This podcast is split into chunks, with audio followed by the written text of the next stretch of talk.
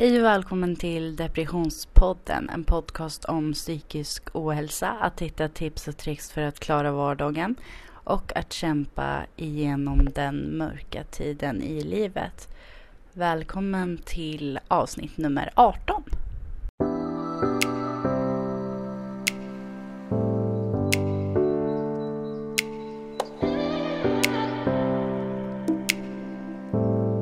Hej och välkommen till avsnitt nummer 18.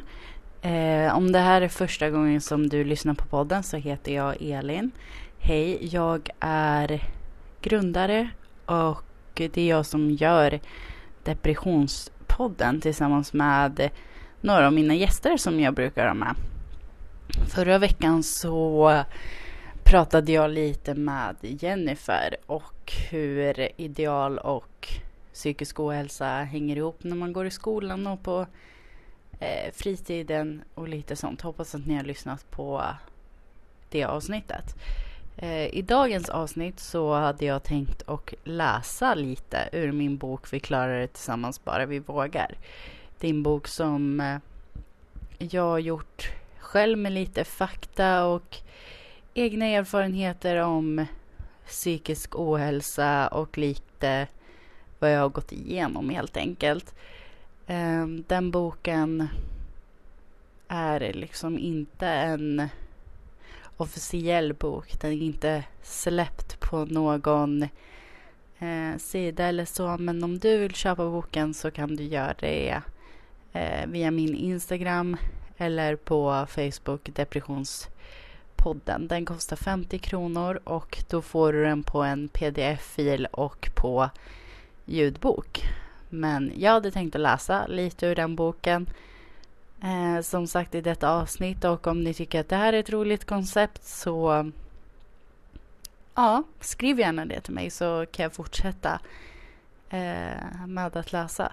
Det kommer absolut inte bli varje avsnitt. Vi kommer ha vanliga avsnitt också. Eh, precis som mina meditationsavsnitt så kommer jag inte bara ha meditationsavsnitt eller att jag läser ur min bok utan det kommer vara vanliga avsnitt också. Där jag pratar eh, som vanligt eller då jag har gäster. Men eh, nu så börjar jag läsa lite ur min bok.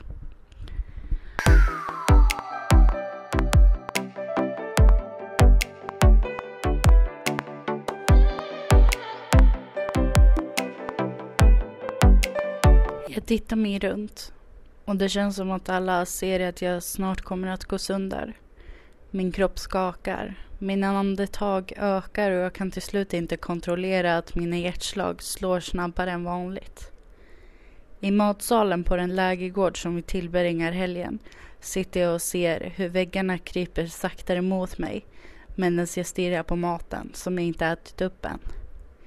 Jag försöker att andas så lugnt jag kan och sen kommer frågan som jag alltid fruktar mest när jag mår så här. Hur är det Elin? Det brister för mig. Jag kommer att gå sönder nu. Nu kommer jag att dö.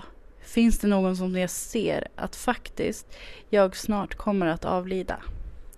Jag springer ut ur matsalen och in på alvrummet på hotellet intill.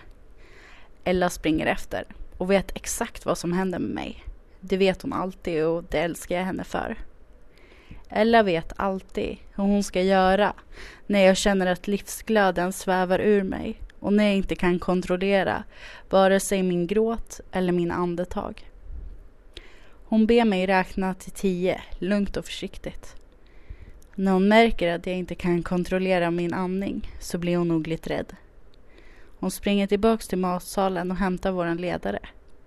Våran bästa Maria, som alltid finns för oss när livet är hopplöst och man inte orkar mer.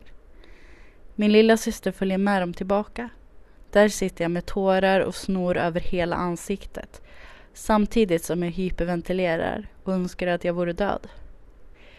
Maria tar tag i mig och smeker mig över kinden, pressar ner mina fötter i marken som skakar okontrollerat. Hon räknar sakta till tio och masserar min panna medan jag försöker att räkna tillsammans med henne mellan andetagen. Ella springer för att hämta papper för att sedan torka mina blöta och kladdiga kinder. Min lilla syster står tyst och tittar på när hennes syster har en panikattack. Detta är en panikattack. För mig är det alltid bäst att bara genomlida den för att sedan acceptera att det har hänt och återgå till livet. Men just i detta nu så känns det som att jag ska dö och aldrig kunna andas normalt igen. Det här var min vardag. Jag är van att inte kunna andas. Att svettas kraftigt och känna hur det svartnar framför ögonen för att sedan brista ut i gråt. Det finns hjälp att få. Det måste vi komma ihåg. Och vi klarar det tillsammans. Bara du vill. Det där var min prolog från min bok. Eh, och det är så min bok startar. Och sedan så kommer det lite eh, tips och tricks. Eh, hur jag brukar eh, göra när jag har en panikattack. Eh, det finns också lite låttips, podcasttips och eh, ja, lite allt möjligt. Men jag tänker att fortsätta detta avsnittet med att läsa ett kapitel som heter Berättelser från barndomen. Så länge jag kan minnas så har min kropp varit ett problem. Det har varit ett problem att jag ser ut som jag gör. Att jag har ätit det jag har ätit och att det har varit svårare att välja kläder som faktiskt ser gulliga ut i vanliga butiker. Jag tänkte nu berätta lite om min barndom, hur jag växte upp och vad jag upplevt. Det kan vara triggande för vissa att läsa eftersom det handlar om både psykisk och fysisk våld och mobbning på hög nivå. Det som jag kommer skriva nu kommer vara ett utdrag ur min bok. Det handlar inte om att göra karriär, som jag började skriva för ett tag sedan, men som jag sedan valde att jag skulle lägga in i den här boken eftersom att den för det mesta handlar om hälsa och kroppskomplex. Jag tror att det var år 2001 då allting började. I alla fall det som jag kommer ihåg. Jag var då sex år och skulle börja i skolan. Förskoleklass, lekis, sexårsverksamhet eller vad folk nu brukar kalla det. Vissa brukar säga att när man börjar förskoleklass så är det inte då den riktiga skolan börjar men jag tycker nog faktiskt att det är det. Det är ju då man börjar på skolan med riktiga tider. Då man vet själv när man börjar och slutar. Man har ett schema på vad man ska göra och får lite mer riktiga regler.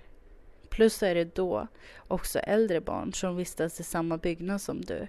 Och man börjar knyta kontakter. Så jag tycker nog att det är den riktiga skolan.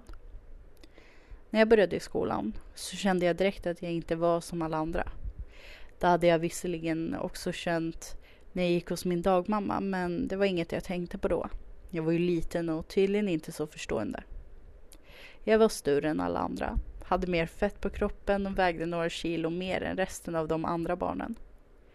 Om jag kommer ihåg rätt så var det inga andra i min klass som var lite större än jag.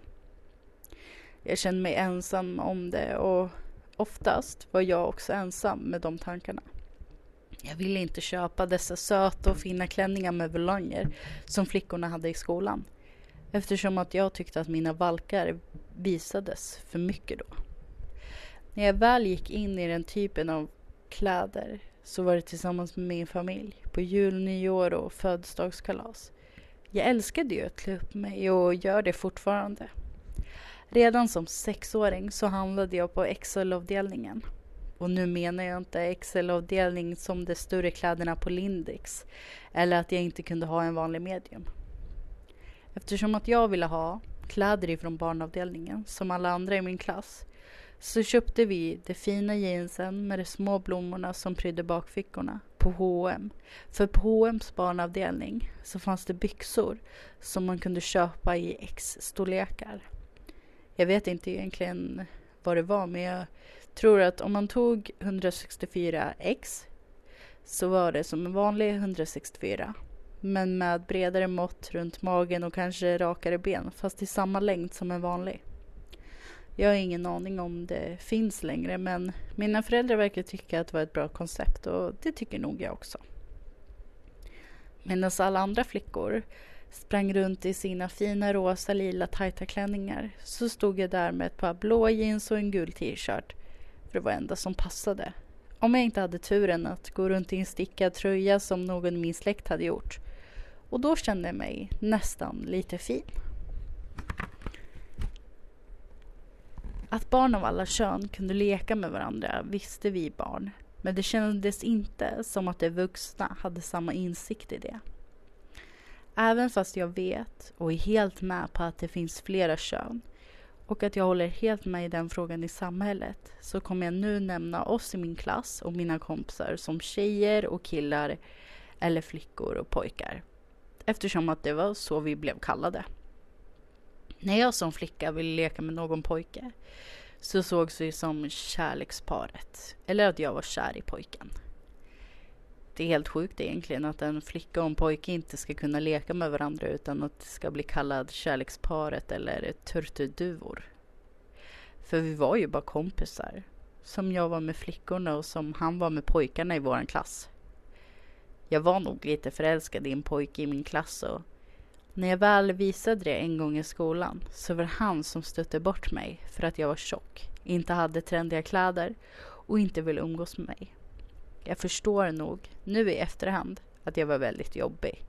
När jag och några flickor sprang efter de coola pojkarna i klassen för att krama och pussa dem på skolgården.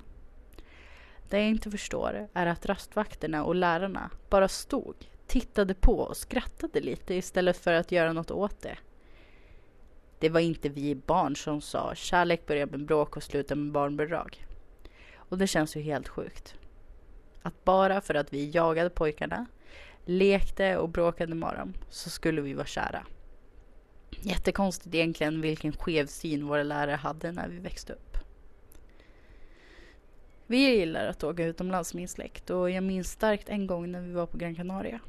Jag och pappa, min stora syster och några från min släkt var på ett nöjesfält och lekte. När vi var på väg därifrån så gick vi igenom en korridor där det var en massa olika speglar. Om man speglade sig i dem så blev kroppen annorlunda. Ni vet som skrattkammaren på Gröna Lund. En spegel gjorde så man blev tjockare, en annan kortare och den sista spegeln gjorde så att man blev smalare och längre. Just den här spegeln stod jag länge vid och tittade på mig själv. När jag väl stod där så kom min farmor fram och sa högt så att alla hörde. Titta! Nu börjar Elin se lite normal ut.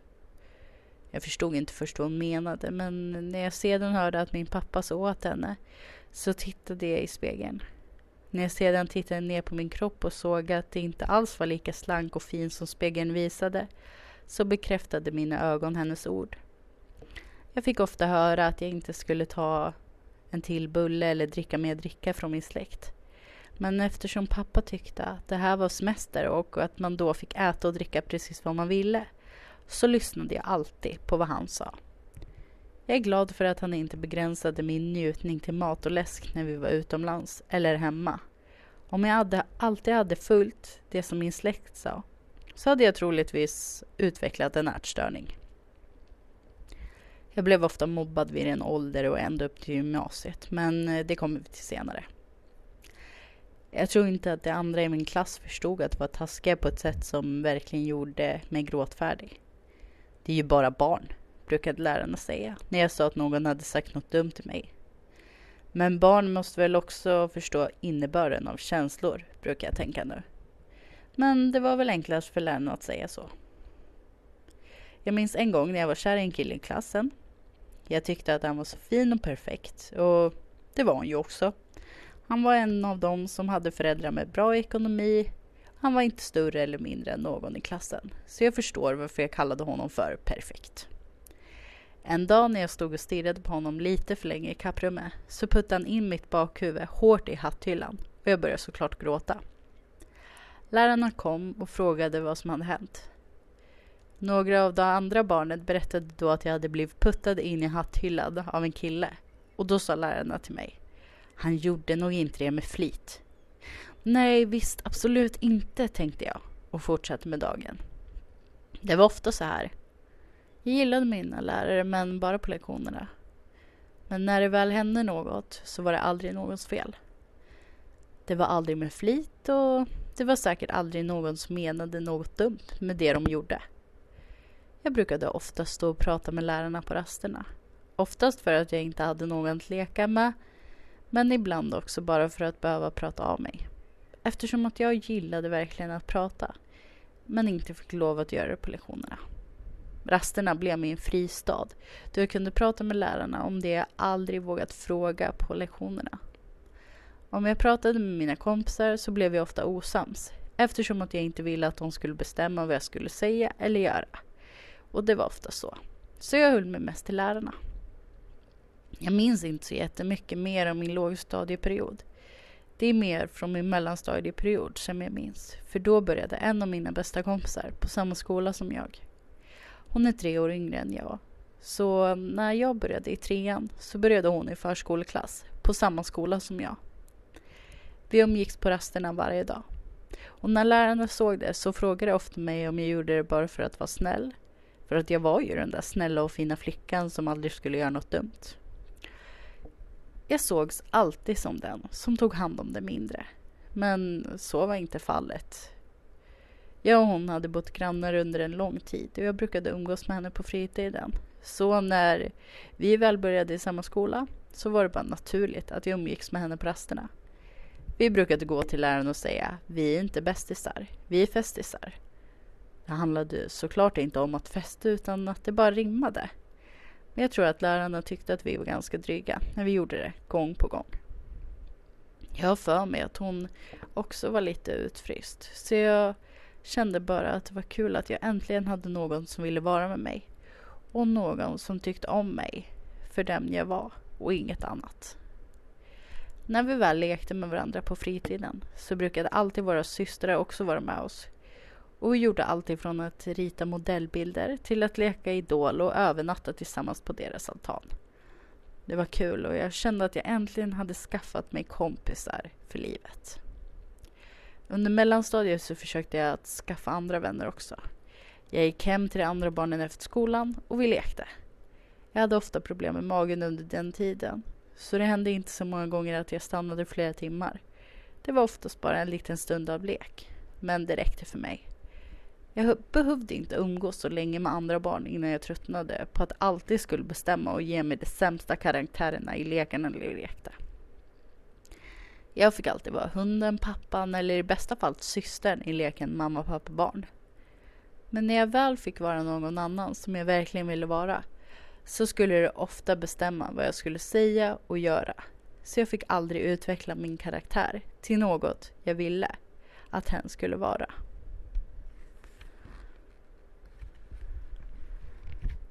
Det här med mina magproblem skulle vara ett problem som kom tillbaka i tonåren, men inte på samma sätt.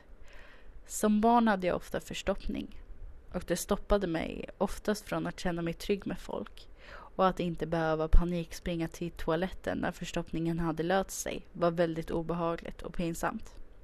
Så ofta så ringde jag till pappa när jag skulle fråga om jag fick leka med en kompis och sa då flera gånger att är du säker på att det går idag? För på något sätt ge honom ett tecken på att jag inte ville leka med personen idag. Men han förstod ju sig såklart ingenting och sa ja, det är väl klart. Min mage förvärrade ofta saker i skolan. Jag kunde till exempel sitta på toaletten så länge att jag kände att det var en evighet bara för att jag var förstoppad. Och istället för att vara på lektionerna eller vara ute på rasten så missade jag ofta saker. Men det gjorde sällan ingenting för mig. Min lärare i låg och mellanstadiet var ofta superbra. Och när jag säger låg och mellanstadiet så är det samma skola. Eftersom att vi gick då förskoleklassen ända upp till femman på samma skola och sen bytte till högstadiet i sexan. Men jag hade verkligen superbra lärare under mellanstadieperioden. Och alltid tyckte att jag var duktig och gjorde mitt bästa. Jag blev nog en lärarnas favorit. Inte eftersom att jag var bäst i skolan eller så. Utan bara för att jag var mig själv. Snäll och ödmjuk mot alla. När vi slutade i femman och skulle byta till högstadiet så hade lärarna skrivit en vers till alla elever i min klass.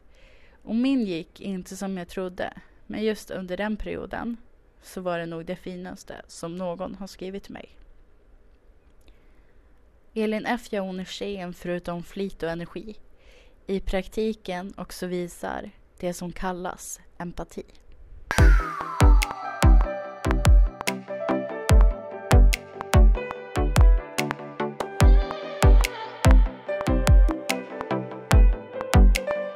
Det där var en eh, del av eh, min bok och det finns mer att läsa och det finns mer att diskutera.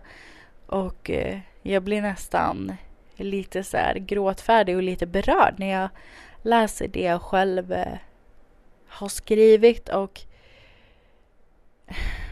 när jag liksom tänker på, tillbaka på hur det faktiskt var så var det verkligen så här som jag som jag har beskrivit. Eh, jag hade kompisar i låg och mellanstadiet. Eh, och jag tror att att ha kompisar i låg och mellanstadiet, de kompisarna jag hade var bara för att jag skulle ha kompisar, bara för att man behövde ha kompisar. Eh, det, fanns, det fanns en kompis som jag kommer ihåg eh, som jag hade. Eh, hon, het, hon hette Elvira. Eh, jag brukar ofta vara hemma hos henne och det var typ ändå den enda kompisen som jag kommer ihåg nu, förutom den här tjejen som var yngre än mig, eh, som jag faktiskt liksom fick utveckla min kreativitet med. Eh, vi gick ofta hem till henne efter skolan och eh,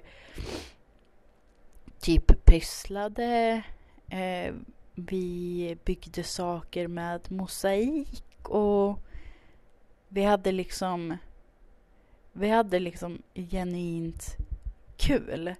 Och jag kommer ihåg att min pappa tyckte också om hennes föräldrar och att det, det var och fortfarande är tror jag en riktigt bra familj. Jag känner inte henne nu i vuxen ålder och eh, jag vet inte om hon har något barn eller eh, hur det är men just då så tyckte jag ändå att hon var hon, hon var liksom, hon var lite som jag.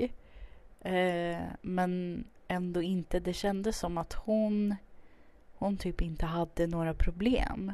Eh, och nu kan jag bara prata utifrån mina erfarenheter. Jag vet absolut inte hur hon kände. Eh, men det var alltid roligt att vara med henne för att vi, och det nämner jag inte ens i boken. Eh, jag tror att jag inte tänkte på henne när jag skrev boken. Utan jag kommer på det nu när jag pratar om det. Att hon...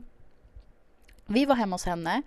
Eh, hon hade ett fint rum och de hade pool ute. Och hon hade mycket så här pysselgrejer i sitt rum. Och vi satt och pysslade i hennes rum hela tiden. Och, eh, det är också som jag skriver eh, i boken att jag inte behövde vara med folk eh, i flera, flera timmar för att det skulle vara länge.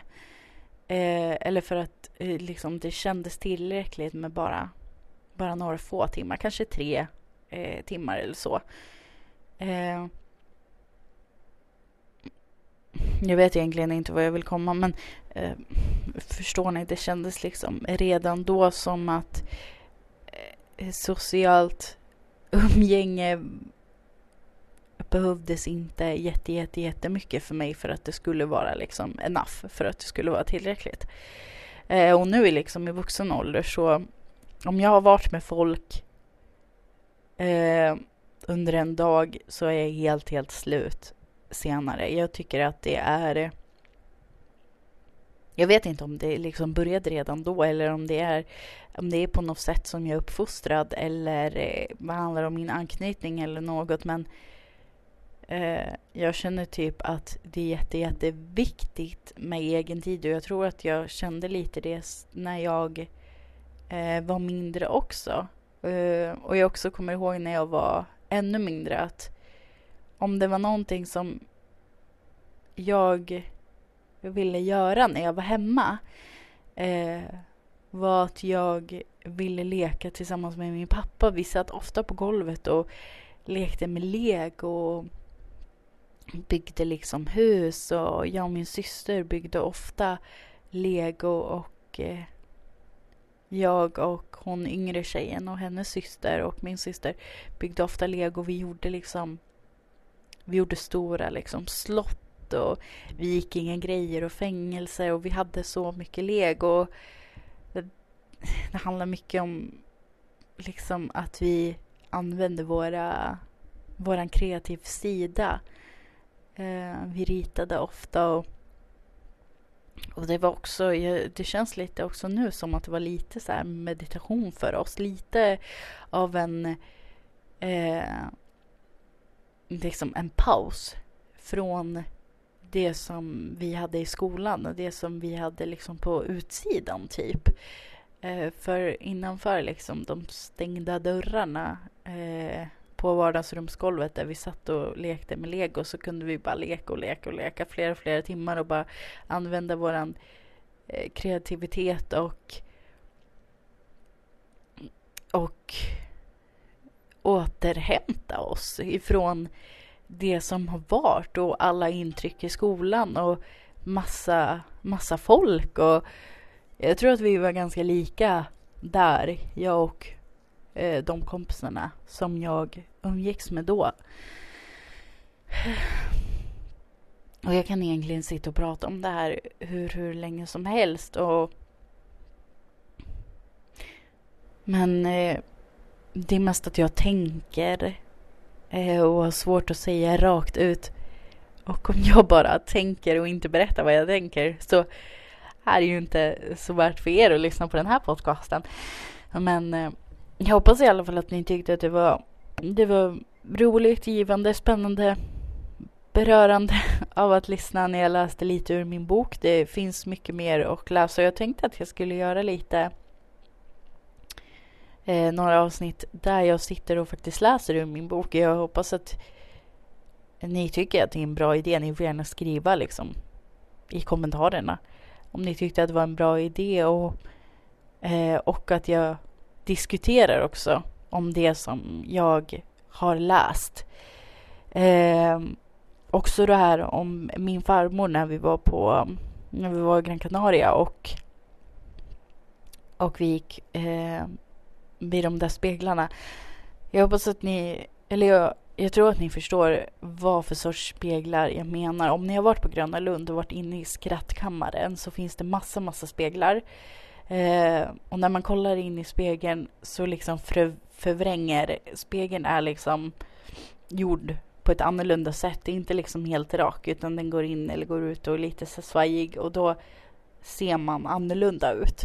Och det var just den här spegeln där jag såg lång och eh, smal ut. Som min farmor uttryckte sig sådär att åh, nu börjar Elin se lite normal ut.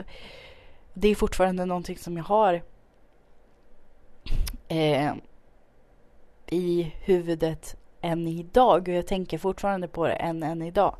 Nu är min farmor eh, död, hon lever inte längre så jag kan inte prata med henne om det eh, Eh, just nu och hon dog innan jag hade börjat reflektera över min eh, eh, barndom liksom. Eh, men om hon levde nu eh, så tror jag ändå att jag skulle prata med henne och försöka förstå hur hon tänkte och försöka få henne att förstå hur jag tänkte då när jag var mindre och när jag och mina kusiner var mindre. Eh, jag är, ofta, jag är också en sån här som ni kanske köra som ältar liksom saker som inte riktigt kan släppa saker.